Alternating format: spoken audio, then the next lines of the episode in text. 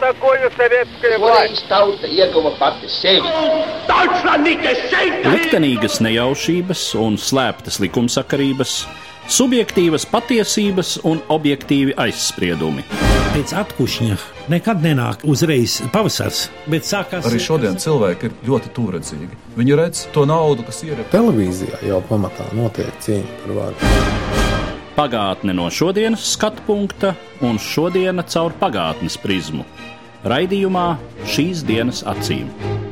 Katru svētdienu Latvijas radio ēterā Eduards Liniņš. Labdien, cienījamie klausītāji!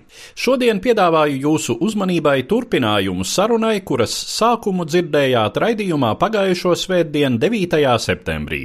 Mans sarunbiedrs, Zviedrijas aizsardzības pētījumu institūta aizsardzības analīzes nodaļas direktora vietnieks izpētes jautājumos, doktors Roberts Dalšē. Mūsu tēma - Zviedrijas ārpolitika un drošības politika attiecībās ar Padomju Savienību un Krieviju laikā pēc Otrā pasaules kara. Pirmais jautājums - cik nopietni pēckara periodā tika uztverta iespēja, ka Padomju Savienība varētu uzbrukt Zviedrijai? Very seriously. Very seriously. The Soviet Union or Soviet Russia, or most people said Russia, thinking that the Soviet Union was just the latest shape of Russia.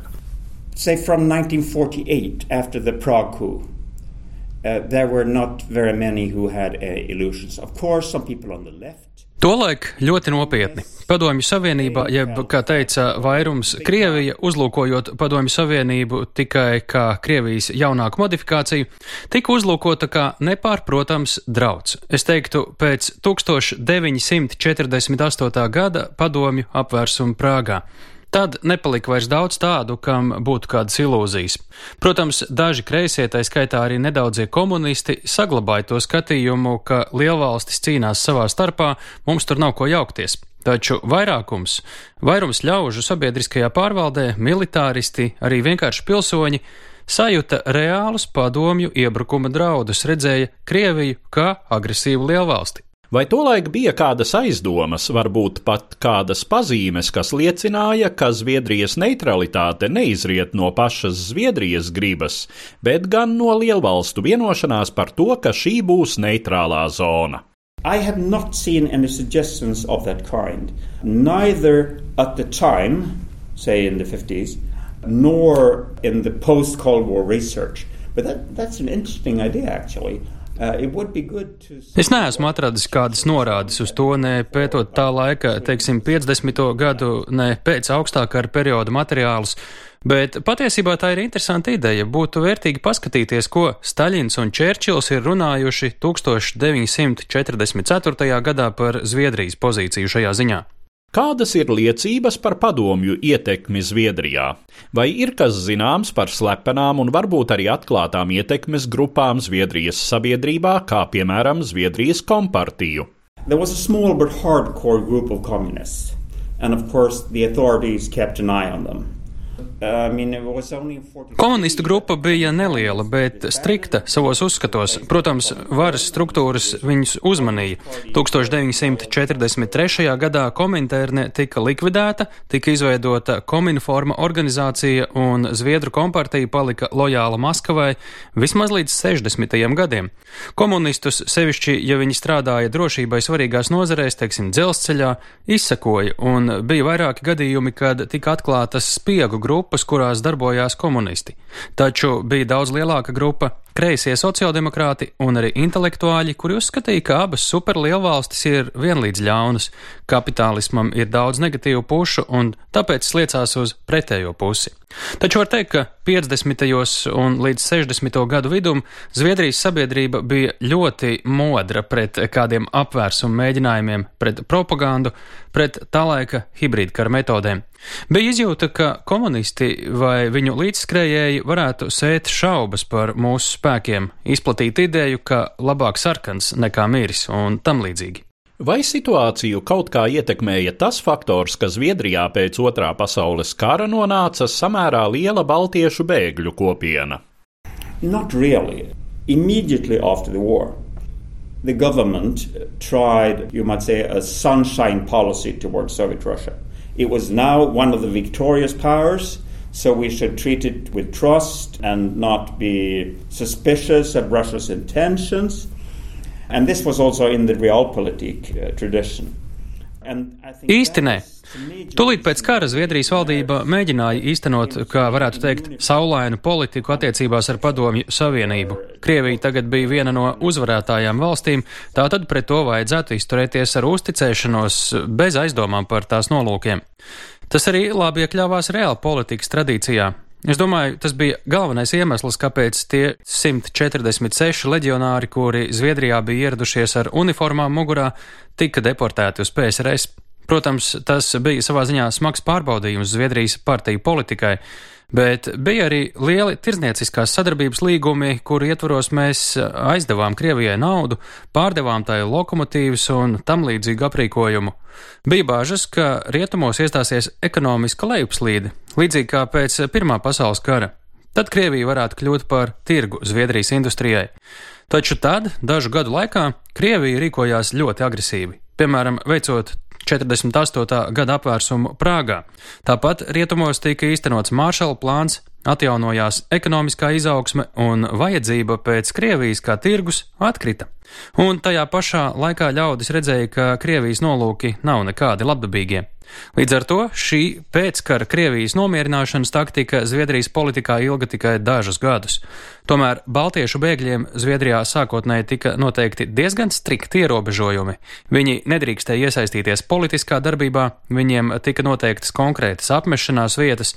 Ja jūs dzīvojāt, piemēram, Vesterosā, jums tur arī bija jāpaliek. Pēc kāda laika šie ierobežojumi tika mīkstināti. Protams, bēgļu kopienās noritēja ļoti aktīva politiskā darbība, taču tā palika šo kopienu ietvaros. Tika rakstīts un diskutēts savās valodās, kuras mums, Zviedriem, ir ļoti grūti apgūt. Daži no bēgļu vidas veidoja politiskas saiknes ar liberālajām un konservatīvajām partijām, ar tiem, kuri tiecās īstenot ideālistiskāku politiku, izvirzot demokrātiju kā prioritāti un nepadodoties reāli politikai.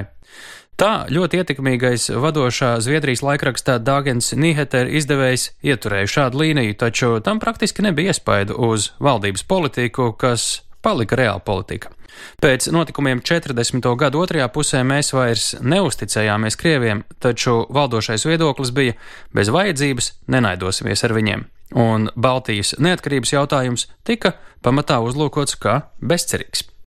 Sākotnēji, kā zināms, Zviedrijai bija konkrēti plāni sadarbībai ar NATO, taču tad 50. gadu nogalē un 60. gadu sākumā šie plāni pamazām sašaurinājās. Kāpēc tā notika? You might say a, a turning point is in um, 1959 when there was a big debate in Parliament between the Conservatives and the Social Democratic government. And the Conservatives had advocated what the government was actually doing in deep, deep secret. But the government wanted to have a, a monopoly on what was going on and didn't want the common man to know. Varētu teikt, ka pagrieziena punkts bija 59. gads, kad notika plašas debatas parlamentā starp konservatīvajiem un valdošajiem sociāldemokrātiem. Konservatīvi aizstāvēja rīcību, kādu valdība faktiski īstenoja, bet dziļā slepenībā. Valdība vēlējās saglabāt savu informācijas monopolu par notiekošo, paturot vienkāršos cilvēkus neziņā. Konservatīvo līderis tika izbārts par šādām neiedzīgām idejām, un tas iedibināja zināmu neapstrīdami pareizo viedokli. Jums bija svēti jātic oficiālajai neutralitātes politikas versijai un jāpieturas pie šīs līnijas, citādi jūs riskējāt dabūt sukas. Nākamā robežšķirtne iezīmējās 60. gadu otrajā pusē, kad premjerministrs Ulofs Palme piešķīra šai reāli politiskajai neutralitātei morāles elementu. Augstā kara neutralitātes reāla politika saistījās visumā ar turēšanos malā no superlielvalstu intrigām. Kā teica viens tā laika Zviedru ārlietu ministrs, tas ir viņpus laba un ļauna. Ārpolitikā nav vietas morālei, taču 60. gados, nākot jaunajai kreiso kustībai un studentu revolūcijai Rietumēropā, Tā brīža sociāldemokrātu partijas jaunais līderis Olofs Palme saskatīja, ka tas ir vējš, kas jānotver viņa politiskajās burās, un citādi to izdarīs kāds cits. Viņš sāka paust nostāju jautājumos, kas bija tāli mūsu ģeopolitiskajai apkaimē par karu Vietnamā, par Palestīnu, par trešās pasaules valstīm, par dekolonizāciju. Mūsu neutralitātes politikai viņš uzspieda morāles un labestības zīmogu. Mēs esam neitrāli, tāpēc mūsu pienākums ir iestāties pret apspiešanu. Bet tas attiecās uz to, kas tālumā. Tas neatiecās uz mūsu tuvāko apkaimi, kur joprojām valdīja Krievu nekaitināšanas politika. Vai tas nav kas līdzīgs reizumis lietotajam globalizācijas jēdzienam, kuru attiecina uz padomju sistēmas valstīm pagājušajā gadsimtā? kad geogrāfiski tālas valstis uzsāka ciešu sadarbību balstoties līdzīgā politiskajā sistēmā, pie tam zināmā mērā izolējoties no sava reģiona. Teiksim, kad Kubai bija ciešāka sadarbība ar Vietnamu nekā ar jebkuru no tās Karību kaimiņu valstīm. Very much so. You might say that the, the government and the ruling party had a need to put a more radical gloss on themselves in order to um, contain the, the new left. But you might say that Olof Palme and the Swedish government saw that uh, decolonization made it possible to make find new allies for this new policy arena. Ļoti lielā mērā. No vienas puses, valdībai un valdošajai partijai bija jāiekrāsojas radikālākam, lai iekļautu jaunos kreisos, bet Ulofs Palme un Zviedrijas valdība arī saskatīja, ka dekolonizācija dod iespēju atrast jaunus sabiedrotos šai jaunajā politikas arēnā. Un var teikt, ka Zviedrija adoptēja Vietnamu, adoptēja Tanzāniju ar tās radikālo prezidentu Džuliusu Njereri, adoptēja Kubu, arī Indiju, veidojās saiknes sociālistisko valstu nometnē. Zviedrija nekad oficiāli neiekļāvās nepievienojušos valstu kustībā, taču bija tai pietuvināta, tai bija daudz draugu šo valstu vidū, piemēram, tika uzturēts ciešas attiecības ar Dienvidslāvijas līderi Tito. Vai Zviedrijai, kas sevi šādi pozicionēja starptautiskajā politikā, nebija liels pārsteigums tie radikālie pārmaiņu procesi, kas pagājušā gadsimta 80. gados sākās tepat līdzās? Yes.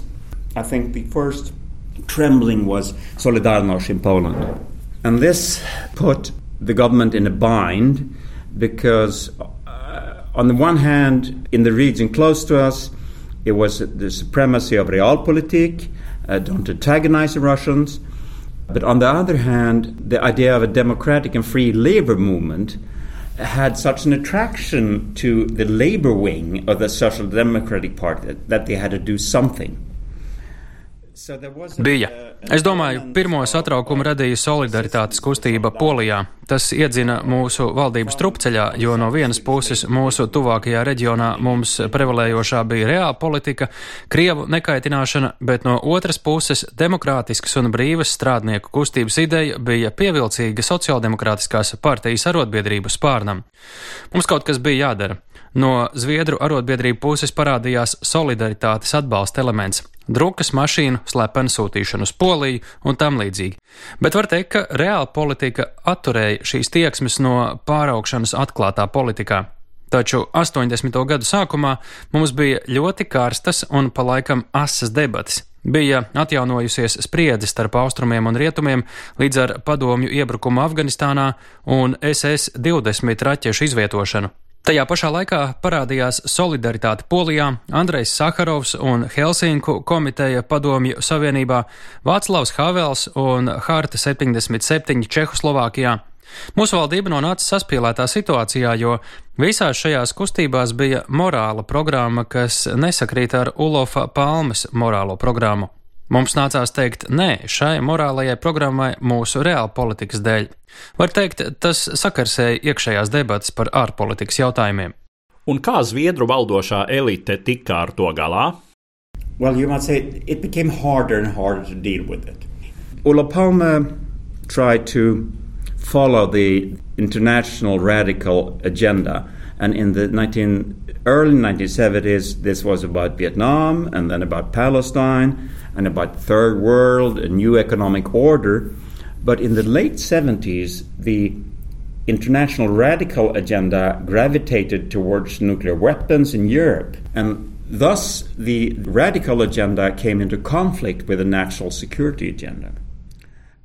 Var teikt, ar to bija arvien grūtāk tikt galā. Ulafs Palme centās pievērsties radikālākajai starptautiskās politikas dienas kārtībai. 70. gadu sākumā tie bija Vietnamas, Palestīnas, trešās pasaules valstu un jaunās ekonomiskās kārtības jautājumi, taču 70. gadu beigās šīs dienas kārtības degpunkts sāka pārvirzīties uz kodolieročiem un Eiropu. Tā nu šī starptautiskā dienas kārtība nonāca pretrunā ar Nacionālās drošības dienas kārtību. Tas bija viens no iemesliem, kāpēc 80. gados mēs piedzīvojām tik daudz problēmu. Pie tam pastāvēja tā morālā dimensija, kura bija ārpus līdz tam piekoptās starptautiskās radikālās dienas kārtības. To varētu saukt par centriski labējo dienas kārtību, kas prasīja atbalstu kustībai solidaritāte, Saharovam un tā tālāk. Valdībai kļuva arvien grūtāk distancēt vienu un otru. Tas radīja ļoti saspringtu gaisotni. No tīri militārā viedokļa, kā Zviedrija plānoja sevi aizstāvēt agresijas gadījumā, kad 70. gados saiknes ar NATO bija kļuvušas vaļīgas un neregulāras. I think around 1970, the government and much of Swedish society assessed the risk of war to be lower than it had been during the 50s and, and early 60s. Es domāju, ka ap 1970. gadu valdība un lielākā daļa Zviedru sabiedrības vērtēja kara izcelšanās risku kā zemāku nekā 50. gados un 61. pusē. Sākās sarunas par kodolieroču kontroli starp Padomju Savienību un Ameriku. Notika tikšanās starp Niksonu un Brežņevu. Vienlaicīgi Zviedrijai radās problēmas ar tās ekonomiskās attīstības modeli, jo mūsu ekonomika bija piedzīvojusi milzu pieaugumu no 1870. līdz 1970. gadam, bet ap 1970. gadu ekonomiskās izaugsmes motors sāka rīstīties. Valdībai vajadzēja atrast naudu, 50. un 60. mēs bijām visai daudz tērējuši mūsu bruņotajiem spēkiem, Bet nu viņi redzēja, Krievija un Amerika sarunājas, vairs nav pastāvīgas spriedzes, jau labu laiku nav bijis nekādu krīžu Berlīnas sakarā. Tad kāpēc mēs nevarētu tērēt mazāk aizsardzībai un vairāk sociālajam nodrošinājumam? Tas iepriecinātu mūsu vēlētājus. Ja gadījumā spriedze pieaugtu, palielinātos kara risks, tad mēs varētu atkal pārkārtot mūsu izdevumu schēmu un tērēt vairāk aizsardzībai. Var teikt, ka 70. gadu sākumā valdība un militāristi izlēma samierināties ar zemāku gatavības līmeni, zemākām kaujas spējām, jo draudi bija mazinājušies. Tādējādi var secināt, ka notikumu attīstība kopš 80. gadu vidus, kad padomju sistēma sabruka, patiešām aplaimoja Zviedrijas valdošās aprindas, cik tālu līdz ar šīm pārmaiņām patiešām šķita, ka vairs nav vajadzības īpaši tērēties aizsardzībai. Well, you might say that there were mixed feelings because, of course, as in many parts of the West, there was um, almost a cult of Gorbachev. Some people call it Gorby mania. Oh, look, uh, now we have a new leader and not one of the old ones. Es teiktu, ka tās bija dalītas jūtas. Kā daudz viet rietumos, arī šeit pastāvēja teju vai Gorbačova kults, daži to sauc par Gorbimāniju. Rau, mums tagad tur ir jauns līderis, atšķirīgs no iepriekšējiem, viņš vēlas reformas, tas būs sociālisms ar cilvēcīgu seju, lai dzīvo glasnosti un perestroika. Atklātība un pārkārtošanās. Gluži tāpat kā vāciešiem, arī mums patika, ka ir padomju līderis, kurš šķiet saprātīgs un nav biedējošs. Taču 80. nogalē, kad iezīmējās ideja, ka visa bipolārā globālā struktūra sabruks, ka Vācija apvienosies, ka padomju satelītu valstis kā Polija, Čehoslovākija atgūs brīvību, daži Zviedrijas valdībā jutās tā, ka pasauli, kuru mēs esam pazinuši 40 gadus, mainās pašos pamatos. Kā lai mēs tagad orientējamies? Piemēram, kā rīkosies apvienotā Vācija? Eiropas sadalījums starp austrumiem un rietumiem bija viņiem pierasts, viņi bija tam pielāgojušies. Bija jauki, ka Krievija vairs nebija drauds, bet tāda karte bez robežām, tas arī dažiem bija biedējoši. Kāda bija vispārējā attieksme Zviedru sabiedrībā pret šo jauno realitāti, Eiropu bez robežām, bijušo austrumu bloka valstu pievienošanos, migrāciju no turienes?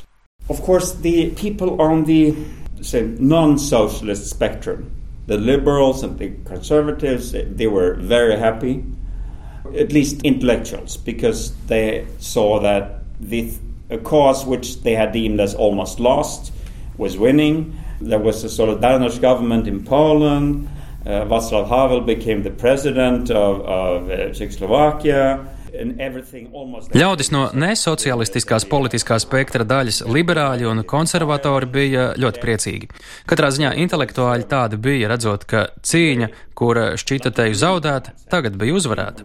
Polijā pie varas nāca solidaritātes kustības veidota valdība, Vāclavs Havels kļuva par Čehoslovākijas prezidentu, gandrīz visas šīs pārmaiņas, ja neskaita Viļņu un Rīgu, notika gandrīz bez jebkādas vardarbības, bez upuriem. Var teikt, sapnis kļuva īstenība. Taču pēc tam, kad tukšās šampaniešu pudeles un dzīru paliekas bija aizvāktas, atklājās tāda aina. Mums ir 200 miljoni cilvēku, kuri bija turēti tumsā, bija turēti trūkumā. Viņi ir tepat mums līdzās, un viņi visi drīz gribēs arī to materiālo bagātību, kādu mēs rietumos esam sev radījuši. Bija bažas par migrāciju, pat par tā varētu teikt, vikingu sirojumiem no austrumiem. Ļaudis televīzijā saskatījušies visu to, kas ir rietumos, nolems, nu, mums ir demokrātija, mums ir tirgus ekonomika, tad eh, kur ir mans video magnetofons, mans leduskapis, un nāks to visu paņemt. Tas nenotika, bet daļā sabiedrības bija tādas bažas. Vai tad, kad notika visa šī spēku pārdale pasaulē un Eiropā, bija kādas idejas, kaut rudimentāras, ka tagad Zviedrija varētu kļūt varenāka, ietekmīgāka savā reģionā? I've never encountered anything like that. You might say that we castrated ourselves after we lost Finland. What there was, and it was considered a very, very bold thought at the time, and I was one of the people thinking that that thought was that the fall of the wall was a development of historical proportions for Sweden. It was Neko tādu man nekad nav nācies dzirdēt. Var teikt, ka toreiz, kad mēs zaudējām Somiju, mēs sevi izkastrējām kas parādījās, un toreiz tā bija ļoti drosmīga ideja, kuru starp citu paudu arī es, ka dzelzs priekškara krišana bija vēsturiska mēroga notikums, ka notika vēsturisku mērogu ģeopolitisks izrāviens, un ja mēs pareizi izspēlēsim savas kārtas, mēs varēsim veicināt labvēlīgas vidas veidošanos sev visapkārt ka mums visapkārt varētu būt draudzīgas, pārtikušas, nevis tepat otrpus jūrē, nabadzīgā, izsalkusi un militarizētā padomju Krievija. 90. gados um, iesākumā ļoti piesardzīgi, ļoti maziem solīšiem, bet Karla Bilta valdība palīdzēja atvieglot Krievijas spēku izvešanu no Baltijas. Tad eh, turpmākajos gados Zviedrijas iesaiste Baltijā arvien pieauga, jo ļaudis sāk apzināties, ka šo valstu drošība, stabilitāte un pārticīgums ir mūsu interesēs. Jo, ja mums būs stabili demokrātiski kaimiņi, arvien pārticīgāki, tad mēs iegūsim to, ko vāciski sauc par umlandu - ekonomisku un kulturālu atbalsta zonu. Apkārtējās valstis potenciāli varētu būt mūsu tirgus, produktīvi konkurenti, nevis ienaidnieki. Ar katru gadu Zviedru sabiedrība kļuva arvien pārliecinātāka, ka mums jāpalīdz Baltijas valstīm, jāpalīdz Polijai, jo tas ir mūsu pašu interesēs. Kā Zviedrijā tika uztverta NATO paplašināšanās un virzīšanās uz austrumiem? In the beginning, let's say the majority view was that, oh no, now, now they are changing things. Changing things are never good. There was a residual, you might say, instinct of not antagonizing Russia. So it was a feeling what will the Russian think? They will be mad, and then they'll do something, and it will end up in our faces. Um, Iesākumā vairuma uzskats bija tāds: viņi grib visu mainīt, un tādas pārmaiņas nav uz labu. Var teikt, joprojām bija saglabājies instinkts nekaitināt Krieviju. Izjūta bija, bet ko par to teiks Krievi? Viņi būs nikni, viņi kaut ko pasāks, un mēs arī dabūsim trūkties. Var teikt, ka pirmā reakcija bija tāda viegla nepatika. Nu, kāpēc viņiem vajag pievienoties NATO? Vai tad viņiem nav gana ar to, ka Krievi ir projām un viņi vairs nav padomju savienībā? Taču tad notika NATO paplašināšanās pirmā kārta ar Poliju, Čehiju un Ungāriju. Es domāju, ka te izšķirošā nozīme bija karam Dienvidslāvijā, jo Polija un Čehija redzēja, kas var notikt un vēlējās būt drošības zonā. Un rietumiem bija grūti atteikt Valensam un Havelam. Tā nu notika pirmā NATO paplašināšanās uz austrumiem. Tad sākās diskusijas par otro kārtu un Baltijas valstīm. Sākumā Zviedri bija visai vēsi noskaņoti, bet tad sākās diskusija par šo valstu ģeopolitisko statusu. 96. gadā Britu ārlietu ministrs Douglas Hērts ierosināja, ka jā, NATO tur nevar iesaistīties, jo tas saniknos Krieviju, bet kāpēc gan Skandināvi nevarētu garantēt Baltijas drošību? Tad es domāju, Zviedri saprata, ka gan Baltiešiem, gan Zviedriem būs labāk, ja Igaunijas glābšanas troses gals būs nostiprināts Vašingtonā, nevis Stokholmā. Tas bija mūsu interesēs, lai jūsu status būtu noregulēts un jūsu drošības galvotājs būtu Amerika, nevis mēs. Tādējādi Zviedrija sāka mainīt savu nostāju, kļūstot par klusu atbalstītāju Baltijas iestājai NATO un arī Eiropas Savienībā.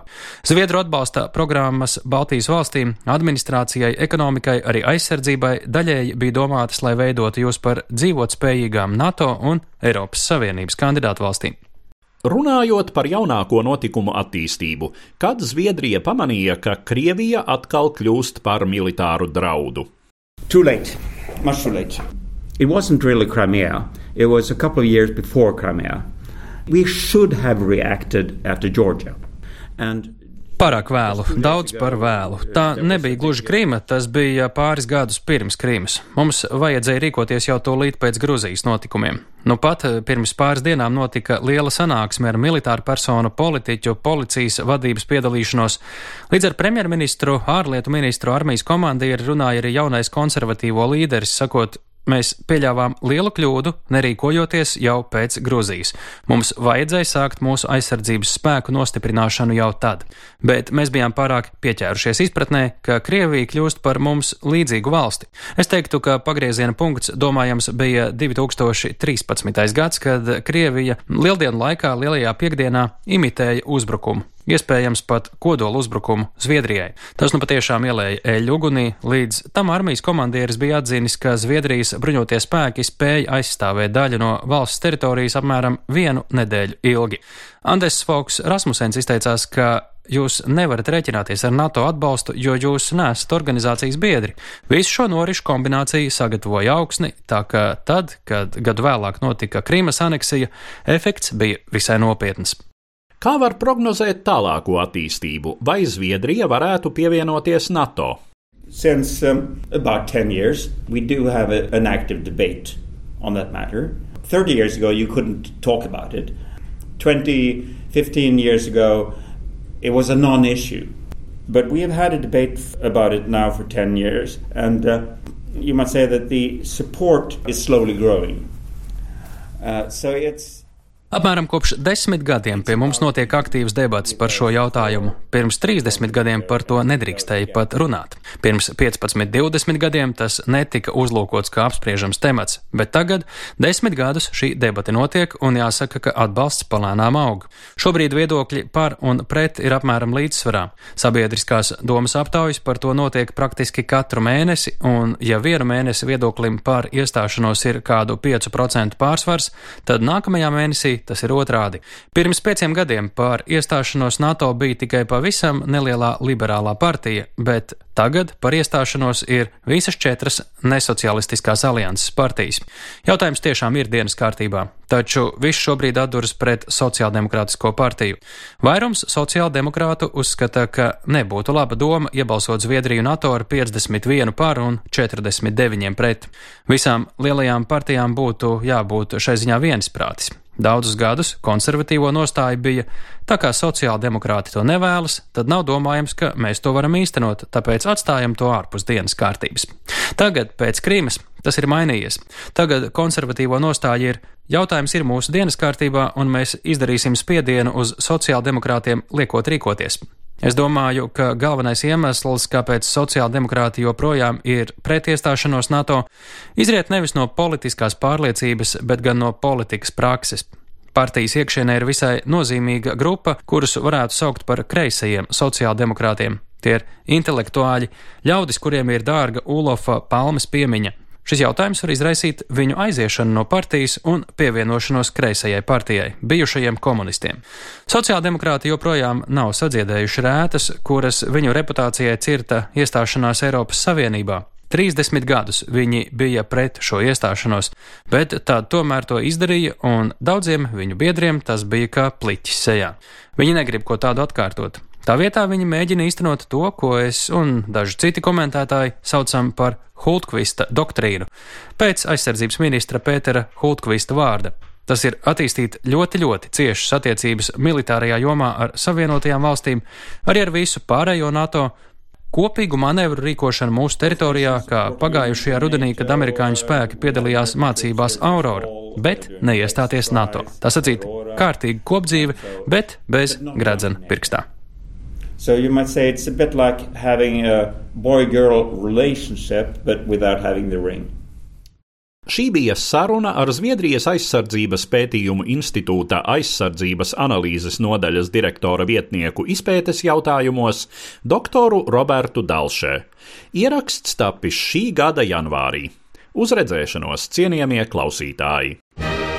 Katru svētdienu Latvijas radio viens par pagātni sarunājas Eduards Liniņš.